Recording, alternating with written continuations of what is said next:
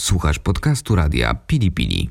Więcej audycji znajdziesz w naszej darmowej aplikacji dostępnej w sklepach App Store i Google Play. Porada na podróż. Podcast podróżniczy Jakuba Porady. Im człowiek jest starszy, im więcej ma tych cyferek na liczniku, tym bardziej uświadamia sobie, że pewne rzeczy, które w danym momencie wydają nam się ważne, później takimi ważnymi już do końca nie są. A ja z racji tego, że sporo tych lat mam na koncie, aczkolwiek liczę na drugie tyle, no jednak jakieś refleksje mnie ogarniają. I uświadamiam sobie, że to, co robiłem kilka czy kilkanaście lat temu i to, co wydawało mi się wtedy super, absolutnie hiper ważne, mega powinienem powiedzieć, bo to przecież słowo, którego dość często używamy, tak teraz już z perspektywy czasu widzę różnicę.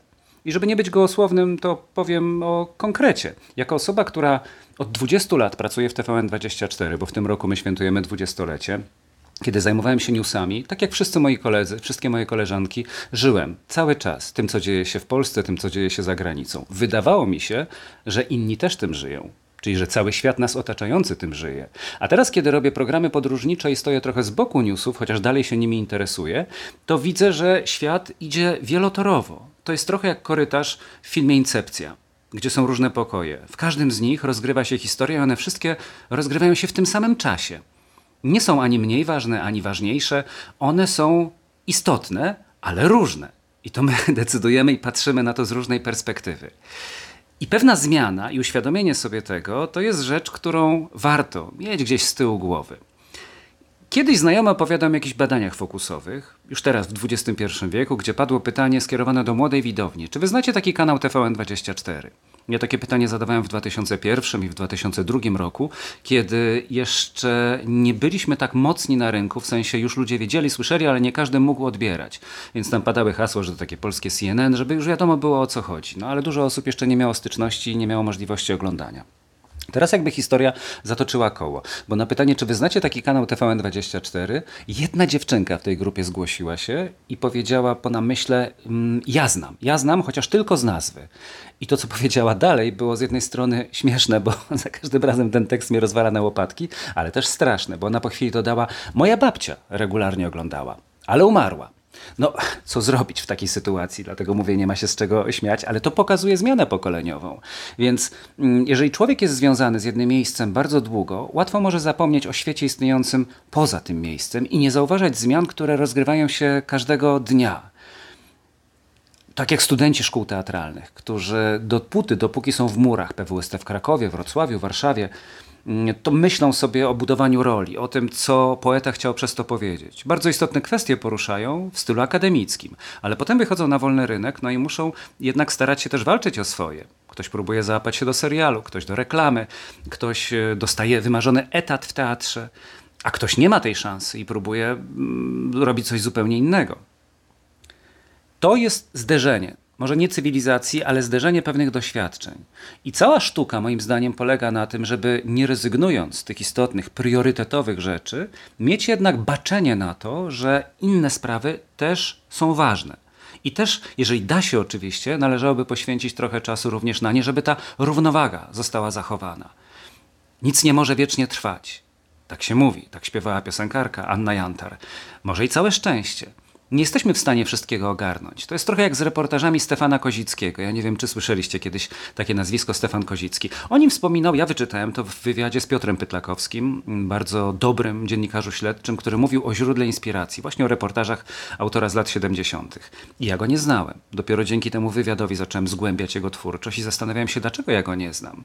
Bo cóż z tego zapyta ktoś, skoro on nie ma zielonego pojęcia, kim był ten człowiek. Z kolei wykładowczyni na filmoznawstwie, ja w latach 90. przez jakiś czas studiowałem mm, jako drugi fakultet właśnie filmoznawstwo, wiedzę o filmie i pani powiedziała, że nie wyobraża sobie inteligentnego człowieka, który nie przeczytał tajemnic Paryża, pana Su, taki XIX-wieczny pisarz. Sala spojrzała po sobie, bo, no bo nikt akurat nie czytał. Ja też byłem w tej grupie, aczkolwiek wydawało mi się, że jestem oczytany, staram się ogarniać to wszystko, no ale tego akurat nie byłem w stanie do tej pory przeczytać. Więc chciałem się poprawić, ale na tę chwilę nie miałem gotowej odpowiedzi. Jak byłem kierownikiem nieistniejącej sieci wypożyczalni wideo, Beverly Hills Video, taka w całej Polsce była sieć wypożyczalni, ja tam przez jakiś czas pracowałem, no to y, pisząc też do gazet filmowych, jak ktoś ze mną rozmawiał o filmach, zawsze znalazł się tytuł filmu, którego akurat nie zobaczyłem. Zobaczyłem 100 innych, a ten był 101. No i ktoś mi mówi, no stary, no to ty się filmem zajmujesz, no a tego filmu nie widziałeś? No akurat tego nie. Tej książki też mi się nie zdarzyło przeczytać, ale staram się cały czas to robić. Jaki jest z tego wniosek w naszym kontekście podróżniczym? Ano takim, że wszystkiego nie jesteśmy w stanie znowu ogarnąć. Jest wiele miejsc, w których nie byłem nigdy. Mam nadzieję, że będę, ale nie wiem, kiedy to nastąpi. I to samo dotyczy Was. Mogliście być w wielu miejscach, ale wiele jeszcze zostało do zobaczenia.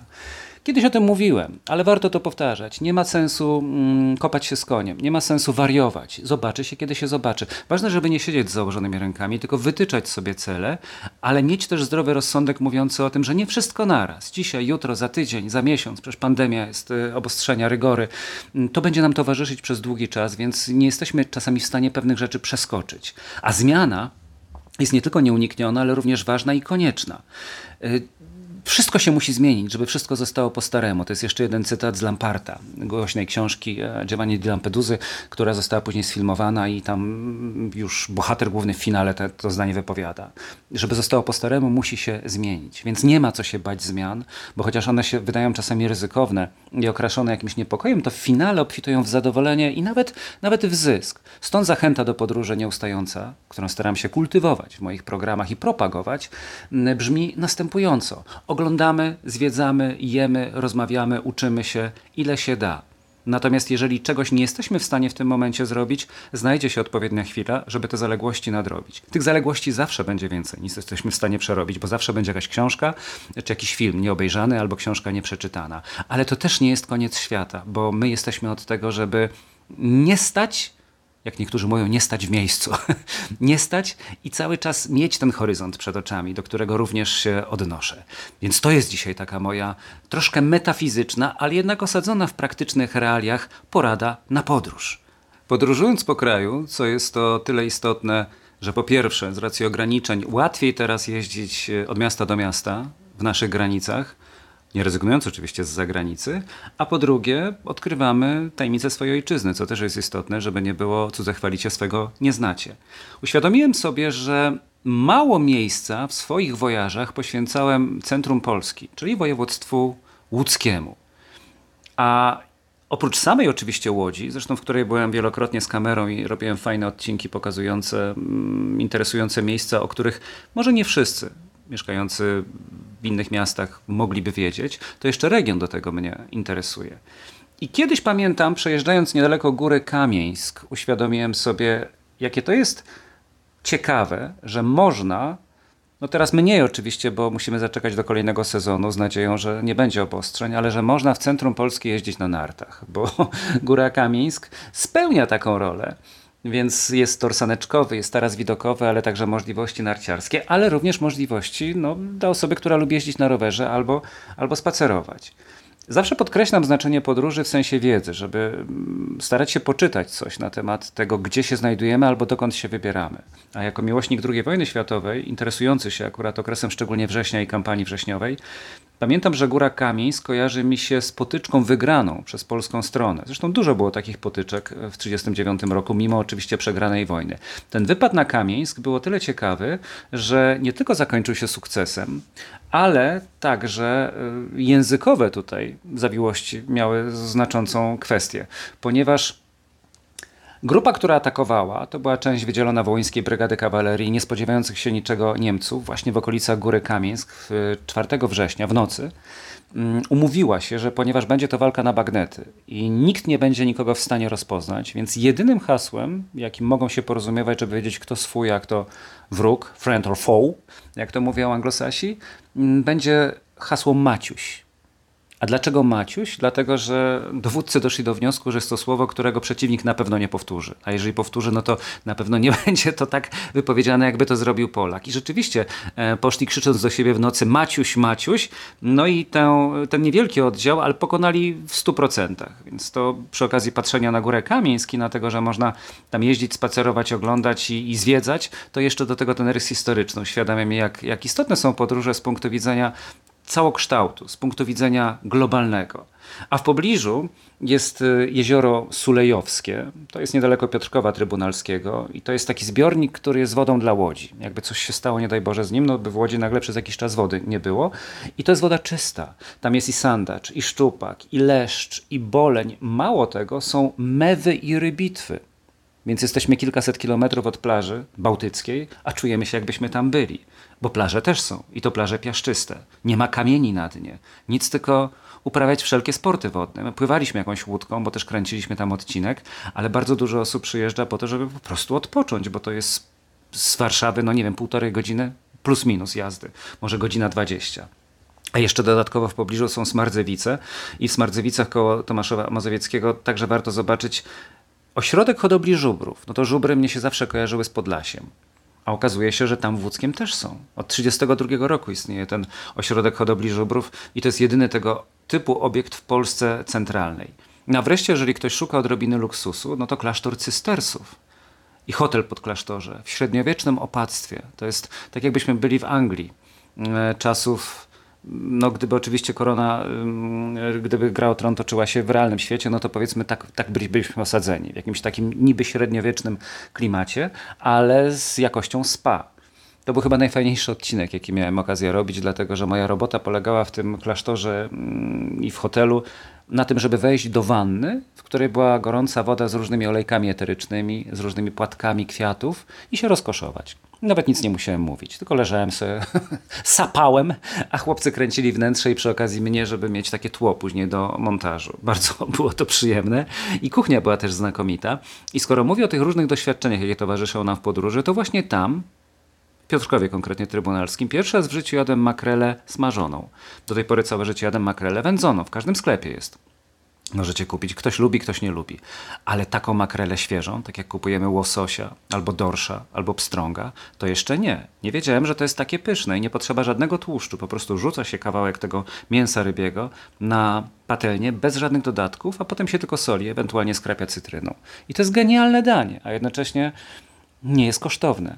Od tamtej pory za każdym razem, kiedy w jakimś hipermarkecie robię zakupy i zaglądam na dział rybny, to szukam makreli, bo może być akurat sezon na nią, może nie. Nie jestem specjalistą od tego, które ryby pojawiają się w jakich miesiącach, ale jeżeli jest, a ja mam ochotę, to biorę. I to jest niby drobiazg, ale pokazujący właśnie, że dzięki podróży do konkretnego miejsca, jakim było łódzkie, ja teraz jem makrelę, bo ona mi się z tym kojarzy, co tam widziałem i co tam przeżyłem. Nie tylko z karpiem, bo akurat tam rzeczywiście karp najmocniej stoi, bo go sprowadzili właśnie cystersi do Polski i można go spróbować w wersji cudownej, wspaniałej. Aż zgłodniałem, jak o tym wszystkim mówię. Ale pokazując tę Polskę mniejszych miast i miasteczek i regionów, staram się także Was zachęcić do tego, żeby z jednej strony mieć mm, oko na Maroko, z drugiej na Zanzibar, a z trzeciej właśnie na Górę Kamieńsk. I jeżeli będziecie wymieniać sobie te cegiełki, to wtedy znowu to menu będzie urozmaicone. I tego się trzymajmy. To jest dzisiaj moja porada na podróż, aczkolwiek powtarzam ją regularnie, bo uważam, że nie jest tylko kwestia tego, że w tej chwili tego słuchacie, ale, ale tego, żeby mieć to rozpisane na całe życie. Do zobaczenia i do usłyszenia. Porada na podróż. Podcast podróżniczy Jakuba Porady. Wysłuchaliście podcastu radia Pili Pili. Więcej audycji znajdziecie w naszej darmowej aplikacji dostępnej w sklepach App Store i Google Play. Do usłyszenia w radiu Pili Pili.